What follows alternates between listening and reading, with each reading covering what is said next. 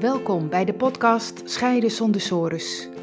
Ik ben Annewieke van der Boom en ik begeleid mensen die op het punt staan te scheiden en bang zijn voor een financieel drama, verlies van contact met je kinderen en eindeloze discussies met hun partner naar een nieuwe situatie waarin je meer quality time hebt met je kinderen, weer respectvol en ontspannen met je partner kunt communiceren en weer financiële duidelijkheid hebt. In deze podcast geef ik je informatie, tips en achtergronden die jou kunnen helpen goed door je scheiding heen te komen, met als resultaat weer plezier en energie om verder te gaan met je toekomst, voor jezelf en voor je kinderen. Dat is Scheiden zonder sores.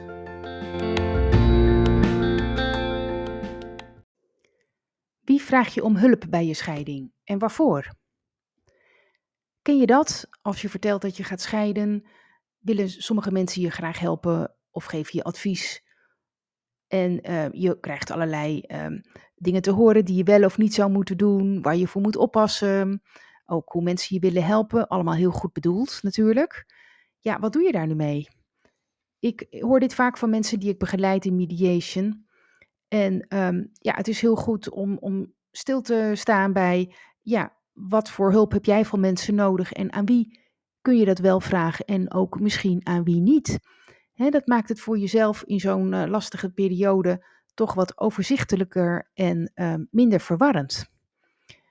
En um, ja, wat zou je dan kunnen doen in zo'n situatie? Eigenlijk dat je een eigen opvangnet creëert, een uh, soort winning team. Uh, want ja, een scheiding in je eentje doorleven, dat is gewoon heel moeilijk. Je hebt gewoon hulp nodig, kennis en liefde van anderen uh, die jou daarbij helpen. Maar dat moet je wel zelf organiseren. Hè? Bij wie moet je wel of niet zijn om over je scheiding te praten? Wie geeft goed advies? Wie is integer? Hoe doseer je je zorgen en problemen? Je hebt hulp wel nodig, maar je kunt niet overvragen. Je vrienden en familieleden steunen je, maar voor hen is je scheiding vaak te negatief of gewoon te veel. En daarom is een winning team dat je zelf samenstelt um, een hele goede oplossing. Want de mensen daarin die zijn positief, geloven in jou, staan achter jou. En um, je, hebt zo ook, je krijgt ze ook een, een, duidelijk voor jezelf met wie je wel over de scheiding praat uh, en de verwerking en uh, met wie niet.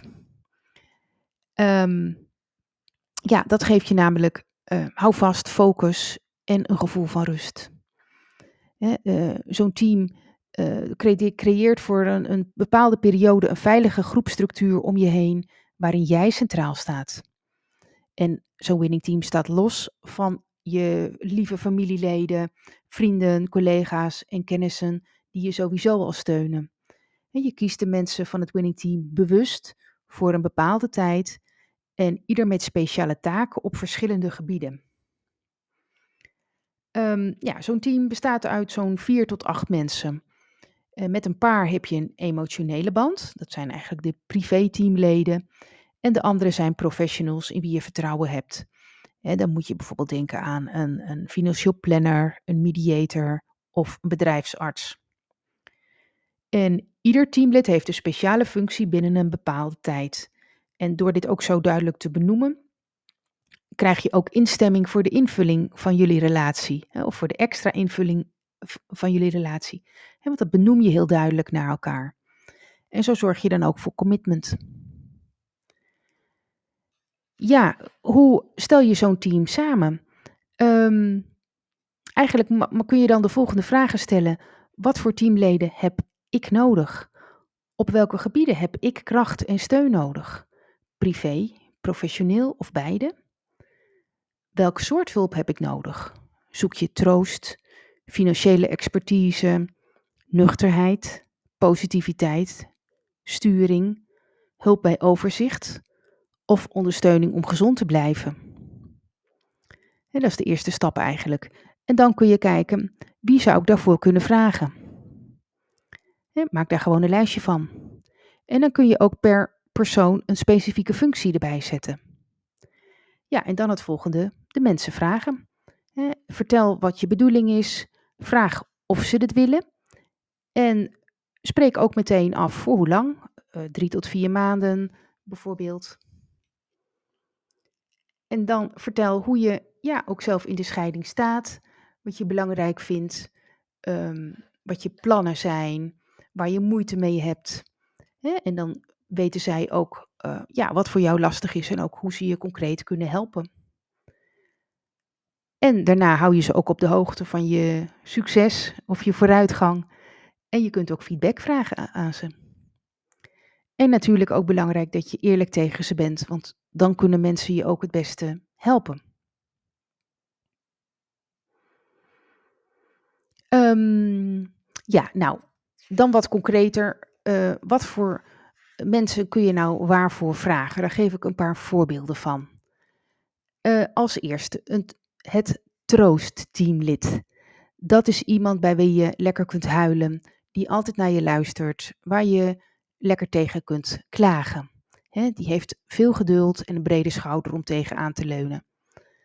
En um, ja, die luistert gewoon naar je, ook al vertel je honderd keer je verhaal. Maakt niet uit. Dan het nuchtere teamlid. Dat is een vriend die je nuchtere en opbouwende kritiek geeft en jou op koers houdt. Daar kun je op vertrouwen, ook als je gekke stappen maakt of uh, dat van plan bent. Dan het oppep teamlid. Hè, daar, van zo iemand word je al een beetje blij als je aan hem of haar denkt. En uh, met die eh, vriend doe je gewoon alleen maar leuke dingen. Uh, en je kunt dan afspreken dat uh, als je elkaar uh, ziet, dat je het maximaal 15 minuten bijvoorbeeld over je scheiding hebt en niet langer. Dan het e-mail-teamlid. Dat is een eerlijke, evenwichtige vriend die, je, die naar je e-mails kijkt voordat jij ze verstuurt naar je ex-partner of naar anderen. En ja, dat kan veel ellende voorkomen. Hè, want soms kun je best wel uh, natuurlijk emotionele dingen willen versturen. Dat is helemaal niet gek. Uh, e-mails of, of appjes of sms-berichten. ja, omdat je gewoon emotioneel bent. En ja, dan reageer je ook emotioneler op lastige dingen. En um, ja, het is gewoon goed om dat eerder te laten lezen. En dan voorkom je gedoe mee. Dus je laat zo iemand even eerst het berichtje screenen. Dan het voorbeeldteamlid. Die, um, die is eigenlijk een inspiratiebron voor jou, voor het omgaan met je scheiding uh, en, uh, en het leven als het even tegenzit. Dat kan je buurman zijn, maar dat kan ook een wereldleider zijn of een acteur of wie dan ook. Als er contact tussen jullie bestaat, vraag dan diegene om tips en adviezen. Uh, er zijn nog meer hoor. Het sportteamlid. Dat, die vriend die motiveert je om de komende maanden te blijven, te blijven sporten. Ook als je geen zin hebt. En het hobbyteamlid. Met deze vriend praat je eigenlijk nooit over je scheiding. Die neemt je gewoon mee naar allerlei activiteiten uh, die te maken hebben met jullie hobby. En tot slot het lotgenoot-teamlid. Dat is een vriend die ook in een moeilijke privé-situatie zit. En jullie kunnen elkaar gewoon lekker steunen. En uh, hebben hetzelfde doel, zo positief en daadkrachtig mogelijk uit jullie situatie komen. En dus je geeft elkaar praktische tips uh, of ideeën. Uh, zo iemand kan ook in een, in een praatgroep zitten onder begeleiding van een professional. Ja, dat zijn zo een paar voorbeelden van mensen die je kunt kiezen. Um, wat ook nog wel belangrijk is, wie er beslist niet in moeten zitten. Dat zijn er eigenlijk uh, drie. Ten eerste een nieuwe partner. Hè, want je teamleden zijn er om je door de scheiding heen te loodsen. En je nieuwe partner hoort bij je uh, nieuwe levenspad. Dat is heel fijn, maar die hoort er nu gewoon niet bij. Scheiding is jouw klus.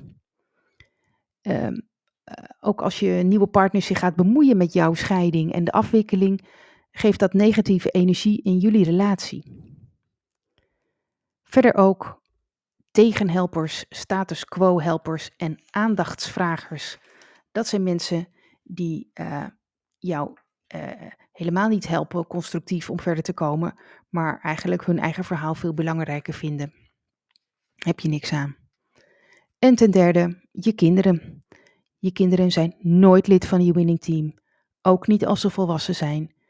Betrek hun niet in jouw problematiek, uh, want dat is voor hun belastend.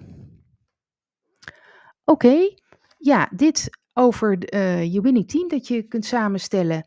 Ik hoop dat je er wat aan hebt en uh, met die voorbeelden kunt kijken van nou, wie zou ik waarvoor willen vragen? Wat heb ik nu nodig om, um, om hulp te vragen? Oké, bedankt voor het luisteren.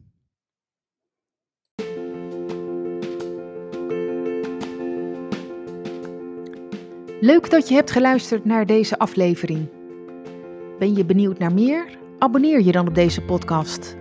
Dat kun je doen door bij Apple Podcast op het plusteken rechtsboven te klikken en dan zie je volgen.